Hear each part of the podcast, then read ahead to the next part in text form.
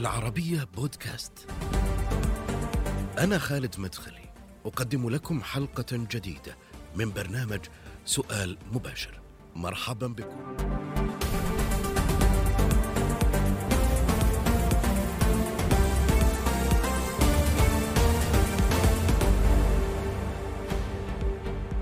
الصحوة وزوالها حاليا أي اختفائها عن المشهد كما يقال فتحت بابا للكثير من التساؤلات عن بقائها ورموزها في الوقت الراهن الذي كشف المجتمع السعودي دورها في تعطيل التنمية والتطور. يقول البعض إن الصحوة لن تكون قادرة على التكيف والنمو من جديد بسبب الجهود السياسية والأمنية لمحاربتها حتى لا تجد طرقا جديدة لإعادة صياغة نفسها مع أوضاعها الجديدة وأن الصحويين حتى وإن عمدوا إلى آليات لإعادة هيكلة تنظيمهم لمواجهة استراتيجيات مكافحتهم لن يستطيعوا العودة للمشهد مجددا. الباحث في شؤون الجماعات الإسلامية خالد العضاض في سؤال مباشر. حياك الله أبو محمد. أهلا أهلا سعيد بتواجدك معي حياك الله حياك الله أستاذ خالد. خليني أبدأ معك من تغريدة لك قبل أسبوع. آه، قلت فيها السعوديون ارتكبوا خطيئة كبيرة في حق الجزيرة العربية. ما هذا الهراء السمين؟ الانتماء للخليج لا ينفي الانتماء للعروبة أساس الانتماء للخليج السعودي وأساس العروبة هي السعودية أنت هنا ترد على خالد دخيل في يعني في برنامج ثمانية عندما قال بأن السعوديون ارتكبوا أو أن السعوديين ارتكبوا خطيئة كبيرة في حق الجزيرة العربية لماذا كنت قاسيا أولا في هذا الحكم؟ هو طبعا مع التقدير للدكتور خالد التقدير الشديد أيضا والبرنامج أو بودكاست ثمانية.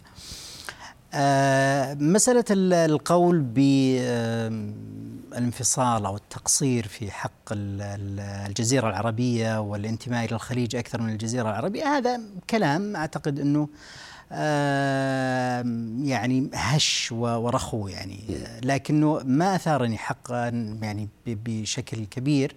مسألة القول بأن السعوديون ارتكبوا خطيئة. ليس خطا وإنما خطيئة. شو الفرق بينها إبراهيم؟ الخطأ هو خطأ. الغالب أنه يكون غير مقصود. ان أما الخطيئة فهي التي تأتي عن عمد وترصد. أه. وكأن الأمر مقصود. ربما خان الدكتور التعبير. يأتي هذا الكلام في آه فترة حقيقة يعني ال ال ال هناك تكالب كبير جدا على المملكة العربية السعودية من من الأعداء ومن الخونة. ثم نفتح لهم آه هذه هذه الفرجة لينفذوا منها لمزيد من الطعن. هذا هو الحقيقة الشيء الذي يجب أن لا يأتي من مثل الدكتور خالد. يعني أنت تشوف أن التوقيت خطير في عندما يتزامن مع مثل هذا الكلام اليوم بسبب طبعا. الظروف الإقليمية والدولية. طبعا, طبعا لا شك بمعنى أنه لو قال خد تخيل هذا الكلام في توقيت آخر ممكن يكون مقبول مثلا؟ قد يم لا لا أقول أنه يكون مقبول هو غير مقبول لأنه كلام يعني على غير أساس. من قال أن السعودية قصرت في في في تاريخ الجزيرة العربية في نشر ما في الجزيرة العربية من جوانب. أبدا.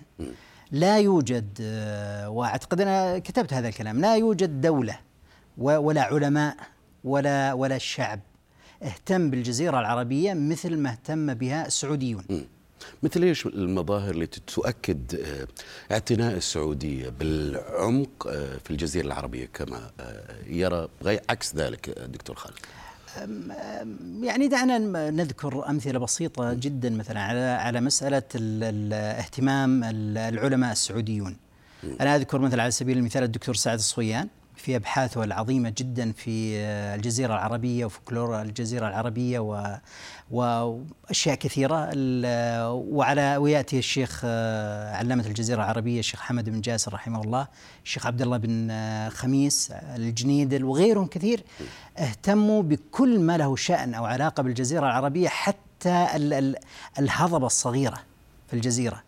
وضعوا لها تعريفا وتحديدا وما قيل فيها وما لم يقل حتى. ثم نأتي الآن ونقول ان, أن أننا قصرنا.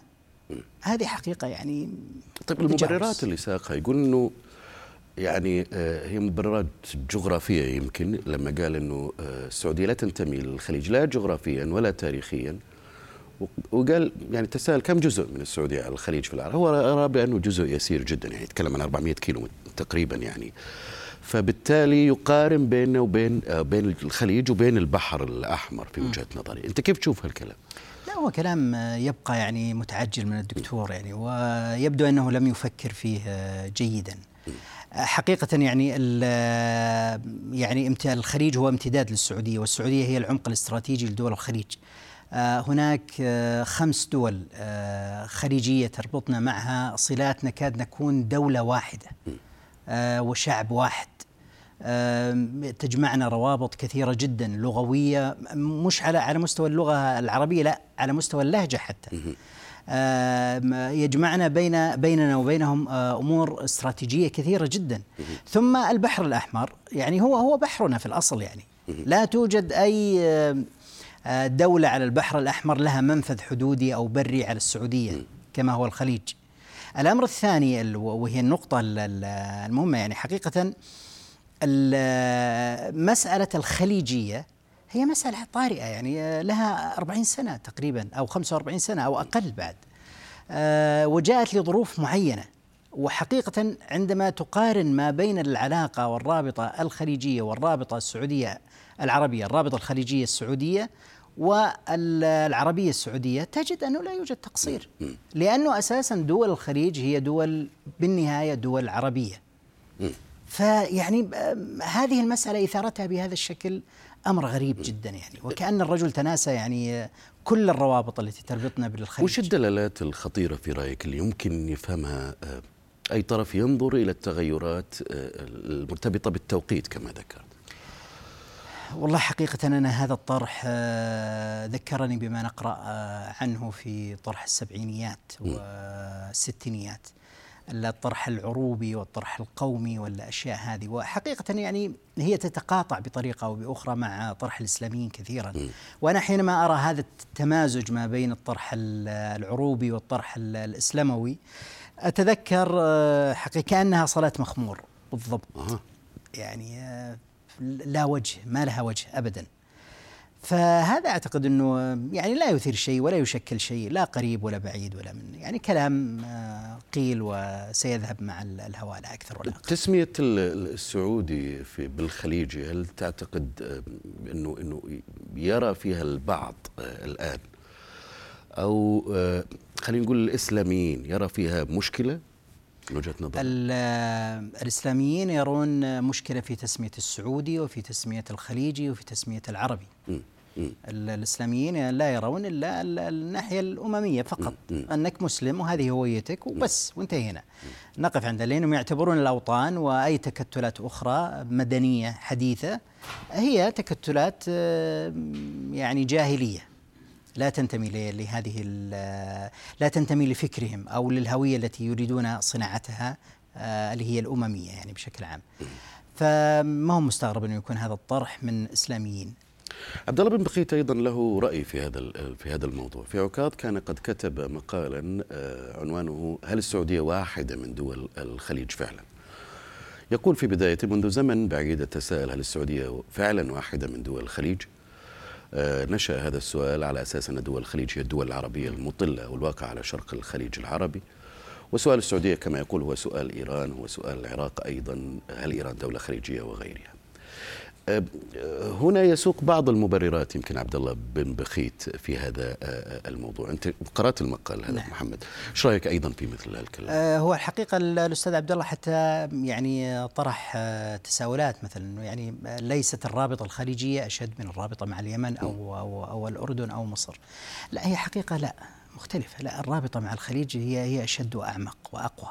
كيف؟ نعم مصر دولة شقيقة الأردن دولة شقيقة اليمن آه، أيضا يعني أسأل الله أنه يعني ينجيه من مما هو فيه أيضا دولة شقيقة لكن لنتذكر دائما وأبدا أن هذه الدول تحديدا مصر واليمن في فترة سابقة طبعا آه، كانوا ضد السعودية بطريقة معينة كانوا ضد المشيخات الخليجية كانوا يعملوا كانوا كلها تأخذ الأيديولوجيا الاشتراكية بينما الدول الخليجية والمملكة استمرت على ثبات آه، عربي وإسلامي واحد لم يتغير. هل تعتقد بانه هناك ضرر آه، في مسألة خلجنة السعودية ولا لا؟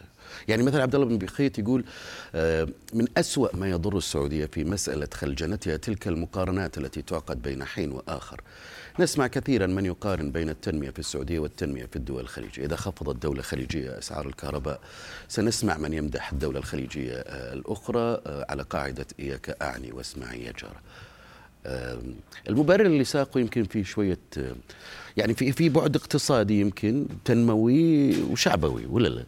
لا لا هذا كلام آه، يعني مع تقديري للأستاذ عبد الله كلام عادي ولا يقال هذا كلام مجالس. مسألة إنه والله آه، إنه تبي تؤثر على الصوت. لا هذا لا لا, لا يعتد بها. السعودية آه، تشرف بأنها خليجية ودول الخليج تشرف بأنها خليجية وهذه رابطة سياسية لها أبعادها ال- الاقتصادية والاجتماعية فقط لا أكثر ولا أقل الأمر لا يضخم. بهذا الشكل. نحن أشقاء أشقاؤنا العرب وأشقاؤنا الخليجيين لكننا يعني هذه الرابطة حدثت لظروف معينة وفي ال- المد ال- الإيراني الثورة. والثورة الإيرانية. آه، وبالفعل يعني صحيح أنها قد تتعطل في بعض ال- المواقف أو بعض الأمور ببعض ال- ال- الأسباب والظروف لكنها تبقى مفيدة جدا لنا ولدول الخليج ولا تؤثر. يعني مثلا على سبيل المثال أنا لم أقرأ آه، في يوم من الأيام أنه والله السعودية دولة خليجية. مم. يعني ثم ماذا؟ إذا كنا دولة خليجية. وهذا يقال هذا الكلام حتى. لو قيل حتى لو قيل. ما وماذا في ذلك؟ دول الخليج آه، هل هي دول فارسية؟ هي دول عربية أيضا في النهاية.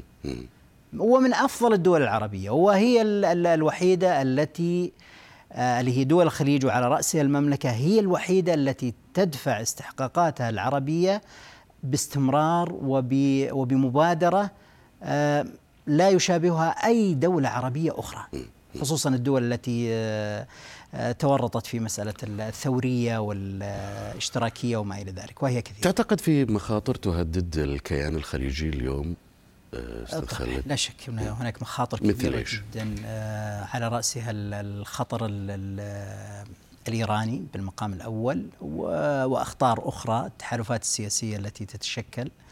آه، إن لم تكن دول الخليج آه، يعني على يد واحدة وعلى قلب واحد هناك خطر الحقيقة خصوصا في دول الخليج. السعودية قد تكون أمتن آه، وأقوى. لكنه ارتباط دول الخليج بال- بالسعودية يقويها وأيضا يدعمنا يعني كسعوديين طيب محمد أنت ناشط كثير على على وسائل التواصل وبالذات تويتر يعني قبل أسبوعين كان لك تغريدة آه، تساءلت فيها أو طرحت تساؤل هل انتهت الصحوة؟ من ضمن ما تقول بأن احدى أهم الأدوات الأساسية في تمكن الصحوة من البقاء والتكيف والنمو من جديد رغم الجهود السياسية والأمنية المختلفة لمحاربتها أداة الكمون الاستراتيجي ومحاولة البحث عن طرق جديدة لإعادة صياغة نفسها مع أوضاعها آه، الجديده. أنا ودي أعرف يعني بسط لي ما تقول فسر لي أنت كيف شايف خطر الصحوة اليوم ومسألة عودتها؟ جميل وهو في م- نقطة مهمة يجب أن ندركها جيدا ويجب أن يدركها السعودي جيدا. تقريبا من خمس سنوات لا يوجد عندنا أي تنظيمات أو لا يجرؤ أحد على أن يجند سعودي في تنظيم داخل السعودية. والدليل على ذلك أنه السلم الاجتماعي بدأ يتغير إلى الأفضل بشكل كبير جدا بسبب اختفاء التنظيمات السياسية حتى غير ال ال ال الإسلامية. هذا أولا. عملية ال- الكمون هو هو وين ال- ال- الإشكالية؟ الإشكالية أنه الناس لا تقيس إلا على ما ترى. آه، وهذا طبعا أمر آه، معذور ومقدر. آه، لكن هناك أشياء آه، أخرى تحت الأرض أو أشياء لا ترى أو أشياء خلف الكواليس وش اللي شايفه ما يشوفه الناس تقريبا؟ آه، مو ما يشوف مو مو بشوفه أنا فقط يعني ويشوفوا ال- الخبراء يعني في هذا في هذا الأمر. ال- الصحوة عبارة عن عن آه، تكتل صلب جدا ومظاهر. التكتل الصلب هذا هو آه، متركز في التربويين الذين يعملون على تربية ال- الصحويين الصغار والمتوسطين في السن والأكبر. هؤلاء لا زالوا موجودين. وين؟ موجودين بيننا. نراهم. التربويين تقصد اللي موجودين في المؤسسات التعليمية وغيرها؟ لا التربويين على على الأرض. يعني قد يكون تربوي طبيب مثلا أو مهندس أو لكنه؟ وهو صغير في في التنظيم آه، اتجه به إلى هذا ال- الاتجاه. هؤلاء هم ال- ال- اللي ينتجون مادة الصحوه الرئيسية اللي هي الشباب الصغير. التجنيد يعني؟ مش التجنيد وإنما يربون الكوادر بشكل عام. الآن التجنيد من الصعوبة بمكان يعني آه، لأنه زي ما قلت أنا إنه يعني الجهود ال- القرار السياسي الحكيم وأيضا الجهود ال- الأمنية الفائقة أنهت هذه ال- ال- المعضلة واجتثت الصحوة تماما من على السطح. لا يوجد صحوة اليوم على السطح. لكنه ال- ال- ال- العامل التربوي أو الكادر التربوي لا زال موجود. آه، لا تستطيع أن تقول أنه متطرف ولا تستطيع أن تقول أنه صحوي سروري أو إخواني ولا تستطيع أيضا أن تمسك عليه أي شيء لأنه بعيد تماما عن السياسة. وهذا يعني خليني أنا أنا آه، أذكر نقطة من من التاريخ. آه، مثلا في عام آه، 1994 آه، قبيل إيقاف آه، الرموز الصحوية. كان هناك آه، مؤتمر سمي بمؤتمر النصرة آه، في بريدة. آه، وتجمع فيه مجموعة لا بأس بها من من الشباب في تلك الفترة. أنا كنت أذكر جيدا آه، مجموعة من هؤلاء التربويين كانوا يقفون في مكان معين بعيد عن المكان التجمع بعيد عن قوات ال- الأمن. كانوا يمنعون الشباب لا يأتون إلى إلى ال- ذلك التجمع حماية للدعوة كما يقولون. وكانوا يعني إلى درجة انه إنه آه، صار فيها خلافات كبيرة و وفرض بعضهم آه، يعني أخذ مجموعة وسافر فيها خارج آه، بريدة حتى لا يتجمعوا في ذلك المكان. من أجل ألا آه، تذهب الدعوة. لأنهم كانوا لا يرون ذلك الوضع. خلاص فلان وفلان من هؤلاء اراد أنه يواجه اللي يواجه بنفسه. لكن لا تضرب الدعوة آه، في في مقتل كما يعبرون طبعا في ادبياتهم آه، وهؤلاء لا زالوا موجودين يعني. زالوا موجودين بين خطير. بعضهم خ... هل لهم دور خطير اليوم؟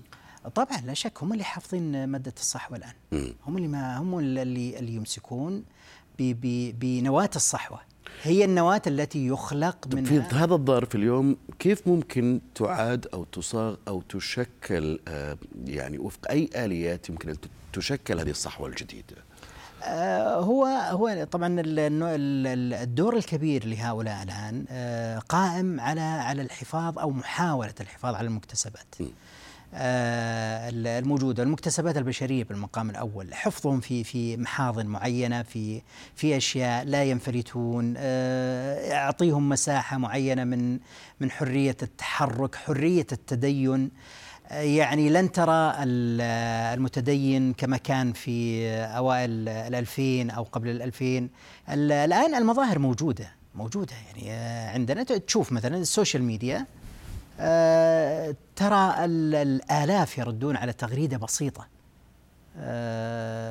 مثلا تقول أن الغنى مثلا ليس فيه شيء أو تؤيد آه، أحد أعمال أو مشاريع الترفيه ثم تجد على التغريدة الواحدة رد بالثلاثة آلاف والأربعة آلاف. طبعا أنا أعرف أن بعضها يكون آه، آه، ذباب إلكتروني خارجي لكنه أيضا لا ننسى أن هناك نصيب من الداخل. ونصيب لا يستهان به إيه بس مو كأنه إحنا نعمم هنا لما نقول إنه في ناس مثلا يمكن لها وجهة نظر لا تتفق مع مثل فعاليات معينة يعني. بالتالي هل يمكن كلنا نجمعهم ونقول لا هذول آه، هم يعني نتاج أو لا هناك مخاطر منهم بأنهم قد يكونوا نواه لفكر صحوي جديد لا طبعا لا. هذا ظلم إيه. لا شك إنه ظلم هذا ويعني والسعوديه آه، يعني سواء المسؤول أو الامني بعيد تماما عن مسألة الظلم بل أنه قد يجد العذر لعذرك عن عن خطأك ولو كان يعني واضح. فلا لا يمكن يعني هنا وهذا يعرف بمسألة ال- ال- الكلام بمسألة ال- التاريخ بمسألة الطرح بشكل عام.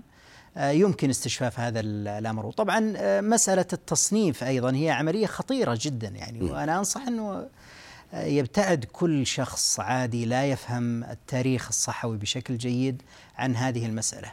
ألا يصنف يعني. أنت ذكرت بأن آه، أو تحدثت عن مصطلح آلية ما تحت التنظيم. هل هو ما قصدته أنه التربويين الموجودين؟ نعم بالضبط. أو كيف ما آلية ما التنظيم بشكل عام أي. آه، هو تنظيم آه، تنظيم ال- الجماعات الإسلامية تنظيم جامد.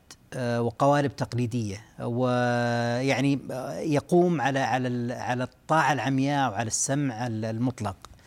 آه، في مثل هذه الظروف يخ- يختفي هذه القوالب تختفي هذه القوالب التنظيمية. ثم تكون العملية عملية خلايا صغيرة بسيطة قد لا تعلم ما وراء. المسؤول عنها. يعني والمسؤول عنهم لا يعلم ما وراء المسؤول عنه ال- الأعلى منه. فلذلك يختفي هذه الأمور مما يجعل حرية الحركة آه، كبيرة ومتاحة. أنت قلت أيضا حتى تؤتي الرؤية المباركة ثمارها وتتمكن من القضاء المبرم على الصحوة آه، ظاهرة وعميقة لابد من أن يصاحبها غطاء معرفي ونظري يعمل على تمتين الجوانب الفكرية للتغيرات.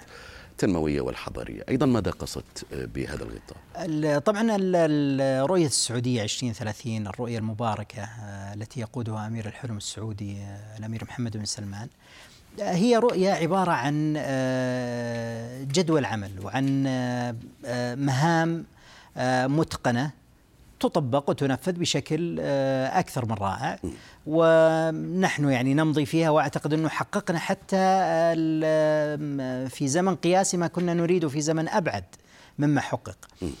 آه، ال- لكنه ال- الرؤية تحتاج إلى مجموعة من ال- المفاهيم ال- المعرفية والثقافية.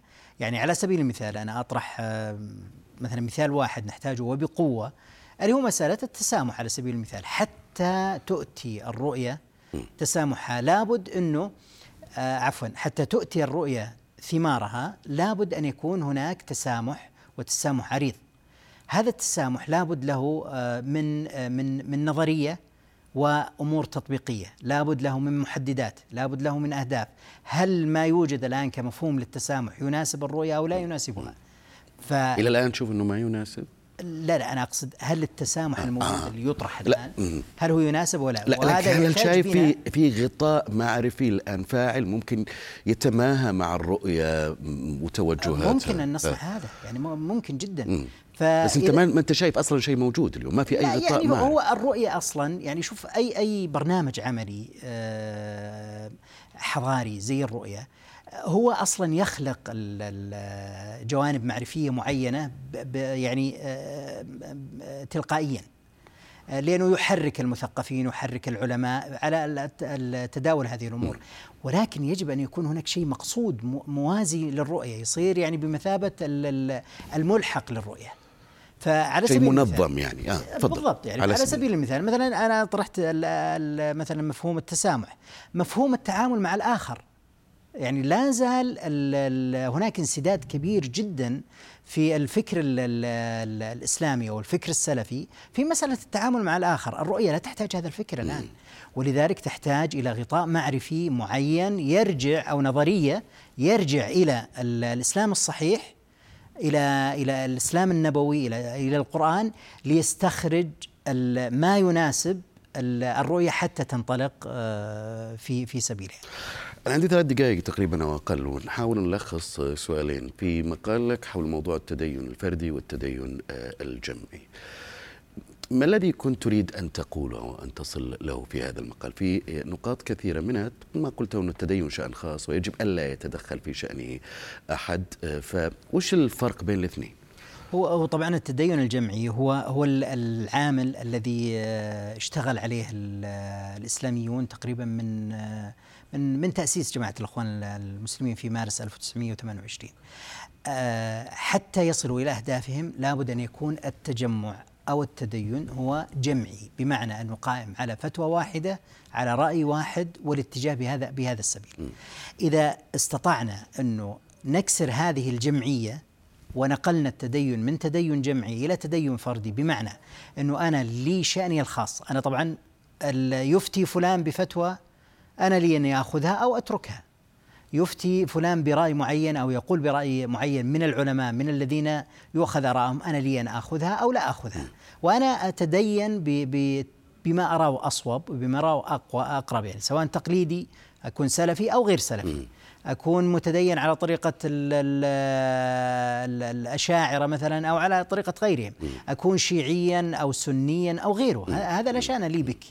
المهم ألا آه، تثير السلم ال- الاجتماعي وألا تفرض هذا الرأي على شخص آخر وألا تدعوه إلى تدينك. كما هو حاصل الآن. طالبت أيضا بتنظيم الوظائف الدينية.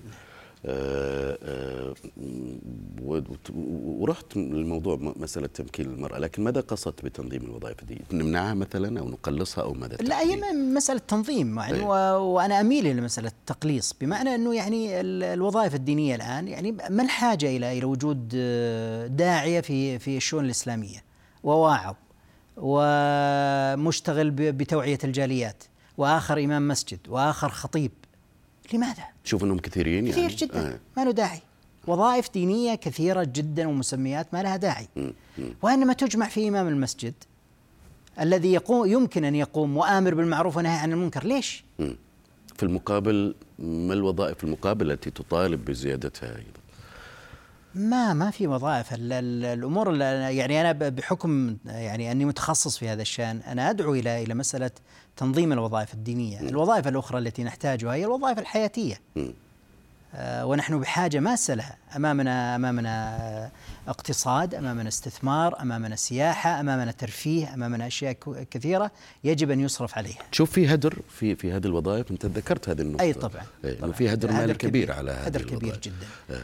يعني مثلا تجد آه، على سبيل المثال آه، مدرس في الجامعة دكتور خطيب احتياطي قد يكون مستشار في آه، جهة دينية أربع خمس وظائف يأخذ عليها مكافآت لماذا؟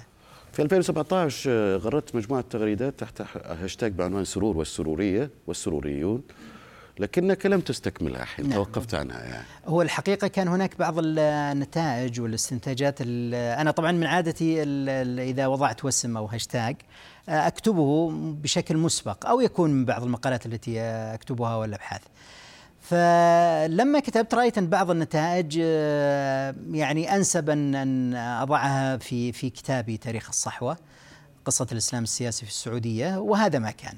آه، والكتاب إن شاء الله أنه على وشك الصدور. قريب؟ قريب بإذن الله. ترى أنه السرورية ممكن تكون أخطر التمظهرات للجماعات الإسلامية؟ داخل السعودية نعم. أها. داخل السعودية هي الأخطر على الإطلاق. من أي النواحي وكيف شايفها اليوم سريعا؟ من آه، هي طبعا لأنها آه، هي هي مشكلتها خطورتها تكمن في أن ال- ال- الداعية السروري أو ال- المنتظم السروري يشبه تماما العلماء التقليديين في السعودية. هنا هنا مكمن الخطر. آه، الإخواني يعني أو ال- ذا يعني ممكن تميزوا في بعض هذا ما تقدر. لكن هذا لا صعب. آه. نفس المنطلقات نفس الحديث نفس ال- طيب أنا أشكرك شكر جزيل. ما عاد عندي المزيد من الوقت والكثير من المحاور والنقاط والأسئلة تستحق يعني كذلك وقت أطول. شكرا لك على تواجدك معنا. الله يطول. الكاتب آه، والباحث في شؤون الجماعة الإسلامية خالد العضاد آه، دائما يمكنكم متابعتنا على مواقع التواصل الاجتماعي تويتر فيسبوك يوتيوب ومشاهدة هذه الحلقة والاستماع إليها على شاهد وعلى العربية بودكاست. إلى اللقاء.